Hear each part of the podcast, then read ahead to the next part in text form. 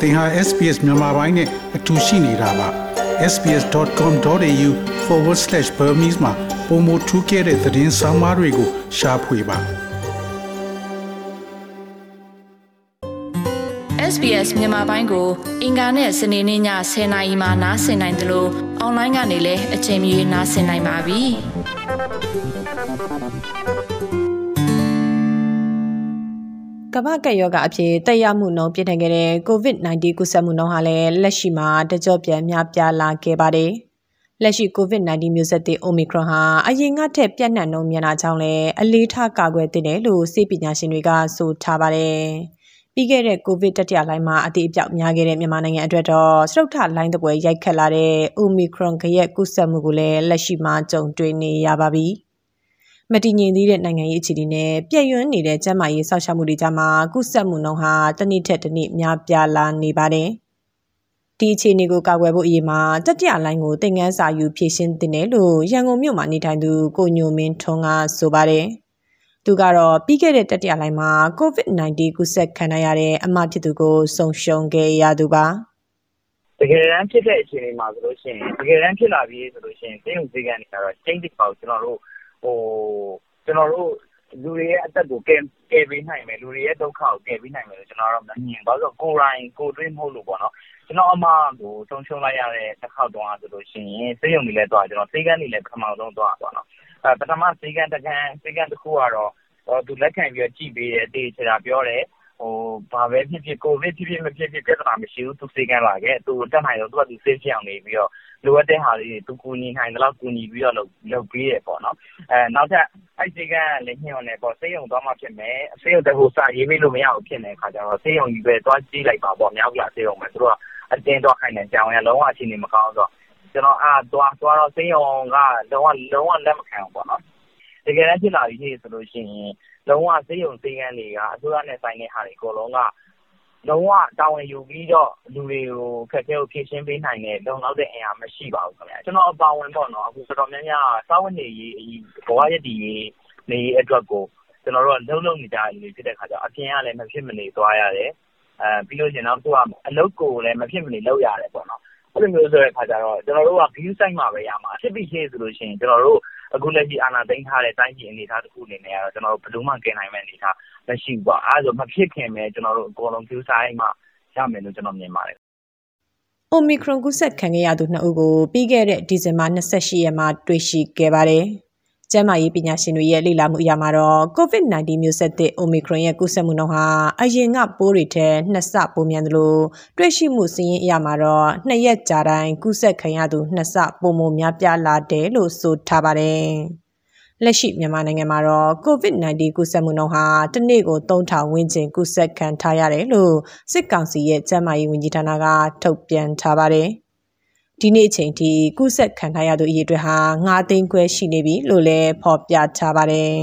။ဒီလိုယောဂကုဆက်မှုဟာအချိန်နဲ့တပြေးညီတိုးလာနေတာကြောင့်စစ်အာဏာသိမ်းကာလကျန်းမာရေးစောင့်ရှောက်မှုအားနည်းချက်တွေနဲ့အတူတတိယလှိုင်းလုံးကလိုပဲဆုံးရှုံးမှုတွေများလာမှာကိုပြည်သူတွေစိုးရိမ်နေကြပါတယ်။တတိယလှိုင်းလုံးကလည်းကိုဗစ်ဝေဒနာခံစားခဲ့ရပြီးအခုချိန်မှာလည်း Omicron ကိုဗစ်ရောဂါဝေဒနာခံစားနေရသူမေကကျန်းမာရေးစောင့်ရှောက်မှုတွေပေါ့နော် အဲ့လိုမျိုးဟာရဆိုရရှင်လူတရားရဲ့ပေါ့နော် visit right ထဲမှာပါရပေါ့နော်ဟိုလူကမဖြစ်မနေကိုရတဲ့နေပေါ့နော်အခုလိုမျိုးအခြေအနေကြုံရတဲ့အတွက်စိတ်မကောင်းစိတ်လည်းမကောင်းပေါ့နော်ဟိုအများဆုံးကြုံရတာပေါ့လူတွေကဟိုရှင်းပြောရလို့ရှိရင်ပတ်စံရှိရင်တော့မှာပေါ့နော်ဆေးဝယ်ဆေးဝယ်ဖို့အတွက်နေရာမရှိတဲ့အခက်အခဲအများကြီးကြုံရရပေါ့နော် အစားအစာတွေပဲပြက်လက်တဲ့အနေအထားတွေလည်းအများကြီးကြုံရတယ်ပြီးတော့ဟိုဈေးနှုန်းနဲ့ဆိုလို့ရှိရင်လည်းပေါ့နော်အဲ့ဒီအချိန်မှာဆိုလို့ရှိရင်ဟို biogenic တို့လိုမျိုးအခြေခံကြရဲ့ဆေးဝါးတွေတော့ရဖို့မလွယ်ဘူးပေါ့နော်ဒီကကြရဲ့အခွင့်အရေးတွေအောင်ဆုံးရှုံးနေရတော့ပေါ့နော်ဒီတယောက်အနေနဲ့တော့ဟိုအမှုအမြလည်းဖြစ်မိရပေါ့နော်အရင်လဲဟိုစိတ်လည်းမကောင်းပေါ့ဒီလို COVID-19 ကူးစက်မှုနှုန်းများပြားလာတဲ့နေမြေတွေထဲမှာရန်ကုန်၊အေရဝတီတိုင်း၊ပဲခူးတိုင်း၊မန္တလေးတိုင်း၊ရှမ်းပြည်နယ်နဲ့မွန်ပြည်နယ်တို့ပါဝင်ပါတယ်။ အမြင့်ဆုံးကူးစက်ခံရတဲ့ရန်ကုန်တိုင်းဟာအရေးအတွက်အားဖြင့်ဆိုရင်နေ့စဉ်900ကနေ1000ကြားတွေ့ရှိနေရတာပါ။ကိုဗစ်တတိယလှိုင်းမှာတော့အသေးအပြောက်များခဲ့သလိုအောက်ဆီဂျင်မလုံလောက်မှုပြဿနာတွေကိုပြည်သူအများပြားရင်ဆိုင်ခဲ့ရပါတယ်။အထောက်အကူပြုစေဝါတွေကုသနိုင်တဲ့နေရာရှားပါမှုတွေချမှလည်းပြည်သူတွေတောင်းချီအသက်ဆုံးရှုံးခဲ့ရပါတယ်။ COVID-19 ပထမလိုင်းနဲ့ဒုတိယလိုင်းမှာတော့ကာကွယ်စောင့်ရှောက်မှုတွေနိုင်နှင်းအောင်လုပ်နိုင်ခဲ့ကြပေမဲ့နိုင်ငံရေးမတည်ငြိမ်တဲ့ဒီကာလမှာတော့မလွယ်ကူလာပါဘူး။လက်ရှိအနေထားမှာကျန်းမာရေးဝန်ထမ်းမလုံလောက်မှုစေဝါထောက်ပံ့နိုင်မှုအခြေအနေကြောင့်အရင်ကလိုအများကြီးမျှော်လင့်လို့မရဘူးလို့ကျန်းမာရေးအသိပညာပေးဆောင်ရွက်နေသူဆရာဝန်တူကပြောပါတယ်။ဒုတိယလိုင်းပထမလိုင်းတုန်းကလို့တော့အားဝအားထားစီလို့ရမယ်လို့ကျမတို့မယုံကြည်ဘူးပေါ့နော်မထင်ဘူးအဲ လက်တစ်ချက်ဒီကျမရုံနဲ့ဒီလိုမရှိဘူးနည်းနည်းချက်စေဝါပစ္စည်းတခြားသောပညာဆိုင်ရာတခြားထောက်ပံ့နေရလဲဘလုံးလောက်မရှိဘူးဟိုစေနာကလည်းအဲ့လောက်ထိဒီကောက်ကောက်မှမရှိတာဖြစ်တယ်ကျမကတော့အများကြီးညှော်လို့တော့မရဘူးပေါ့အဲ့တော့အတိုင်းအတာတစ်ခုထိတော့ဟိုထောက်ပံ့ဖြစ်မှာပါဆိုလိုချင်တာအရင်တော့လည်းမျိုးဘယ်သူကိုဗစ်တွေ့တွေ့ဘယ်သူဒီကမကောင်းဖြစ်ဖြစ်ပေါ်နေခွင့်တော့ခေါ်ပြီးစောင့်ကြည့်တာတွေပါလု ပ်ပေးနိုင်တယ်အခုကတော့တာမတော်တောင်းလားဆိုမသိကြအောင်ဆောင်နေလိုက်ပြီးဒီကနေ့ကျဖုန်းနဲ့ကိုတော်တော်ကြီးစပီးရဖြစ်တော့မှလည်းကျမတို့ကလေးုံကိုဟိုတွားဖို့စဉ်းစားတဲ့အနေအထားမျိုးမရှိရှိတဲ့အဲကျမရုံနဲ့အင်အားနဲ့ရှိသလောက်ကြီးကတော့ကုညီပေးနိုင်တာကုညီပေးနိုင်မှာပါအရင်တော့လည်းကျမတို့အများကြီးညွှန်နေလို့တော့မရဘူးပေါ့နော်။ဒါတခုကကျတော့အခုချိန်မှာကျတော့အစိုးရစီယုံတွေကအဲ့လိုလောလောလောက်စီးရမလို့ပြနိုင်တဲ့ဖြစ်တဲ့အတွက်ပုဂ္ဂလိကစီယုံတွေပေါ်လာတာပေါ့ တကဘာလုံးရဲ့ COVID-19 ကူးစက်ခံရသူအရေအတွက်ဟာတန်း420ကျော်ရှိပြီး58သိန်းကျော်သေဆုံးခဲ့ရတယ်လို့နေ့စဉ်အချက်လက်တွေထုတ်ပြန်ပေးနေတဲ့ World Meter မှာဖော်ပြထားပါတယ်။မြန်မာနိုင်ငံရဲ့ဒေတာအသီးသီးကကူးစက်မှုအခြေအနေတွေကိုတော့တိတိကျကျကောက်ယူဖို့မလွယ်ကူခဲ့ပါဘူး။အင်တာနက်သုံးစွဲမှုကန့်သတ်ချက်တွေတည်င်းအချက်လက်ပိတ်ပင်မှုတွေနဲ့နယ်မြေတွင်းတိုက်ပွဲတွေကြောင့်ဒေတာအသီးသီးက COVID-19 သတင်းတွေကိုစုစည်းဖို့ခက်ခဲနေရတာပါ။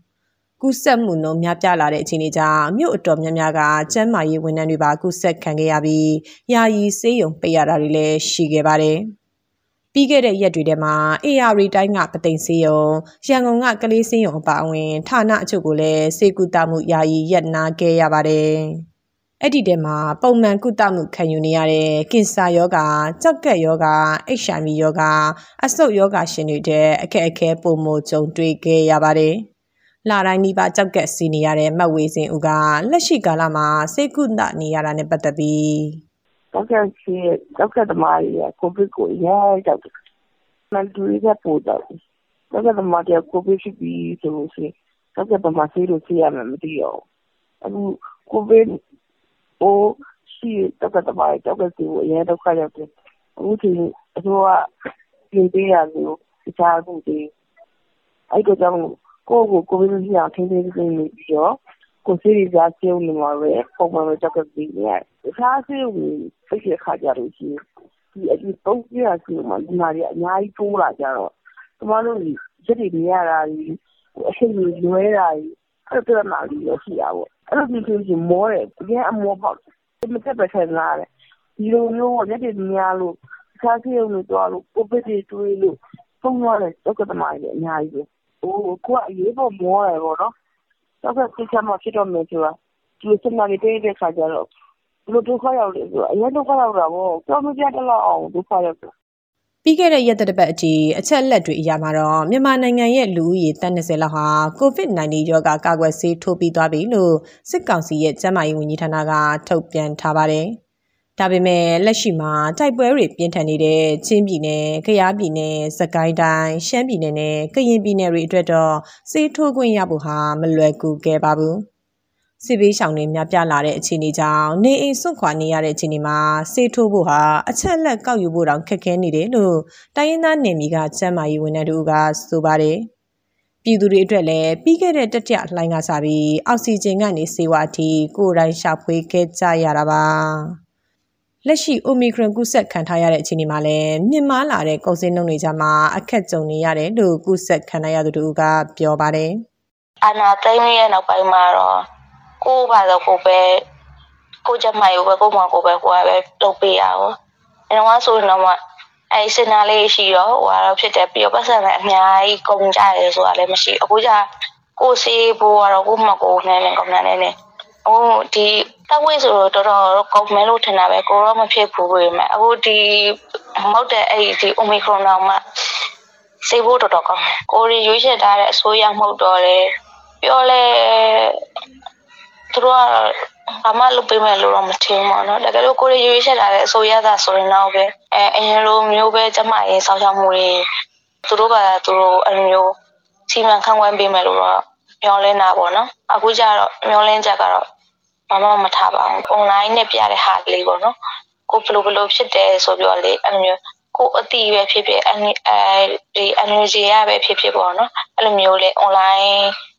အင်းနဲ့အဲဘာလို့ဆွေးနွေးရလေးဒီအဲ့ဥစ္စာလေးပို့ထပ်ပြီးတော့လုပ်ပေးစီချင်တယ်နိုင်ငံရဲ့အာဏာသိမ်းမှုအခြေအနေထဲမှာပြည်သူတွေဟာဘေးလွတ်ရာအတွက်နှိမ့်စင်ကြွေးနေရတာပါ ဒီမိုကရေစီအရေးကိုတောင်းဆိုနေကြခြင်းဖြစ်သလိုရိုက်ခတ်မှုပြင်လာတဲ့ COVID-19 ဘေးကိုလည်းကြောက်နေခဲ့ရပါတယ်အာနာသိန်းစစ်ကောင်စီရဲ့တည်င်းအချက်လက်ကတ်တမှုတွေတည်င်းအချက်လက်မှာထုတ်ပြန်မှုတွေကြားမှာလည်းပြည်သူတွေတတိထားနေရတာပါမြန်မာနိုင်ငံရဲ့ပြည်သူတွေအတွက်တော့ဒီမိုကရေစီအရေးနဲ့အတူညီမျှတဲ့ကျန်းမာရေးစောင့်ရှောက်ခွင့်တွေကိုပြတ်ပိုက်ဆိုင်နိုင်မှုနဲ့ COVID-19 ဘေးကကင်းဝေးဖို့ဟာတိုက်ပွဲဝင်နေရဆဲစစ်မြေပြင်တစ်ခုလိုဖြစ်နေစေပါ ဒီသတင်းဆောင်မကိုတန်လင်ခက်ကပေးပို့ထားတာဖြစ်ပါတယ် SBS မြန်မာပိုင်းကိုနားဆင်ရတာနှစ်သက်ပါတလား Facebook မှာဆွေးနွေးမှုတွေကိုဆက်ကြရအောင်ပါ SBS မြန်မာပိုင်း Facebook ကို like လုပ်ပြီးတော့သင်ချင်တဲ့ချက်ကိုမျှဝေနိုင်ပါတယ် SBS Bemis ကို Facebook မှာ share ကြည့်နိုင်ပါတယ်ရှင်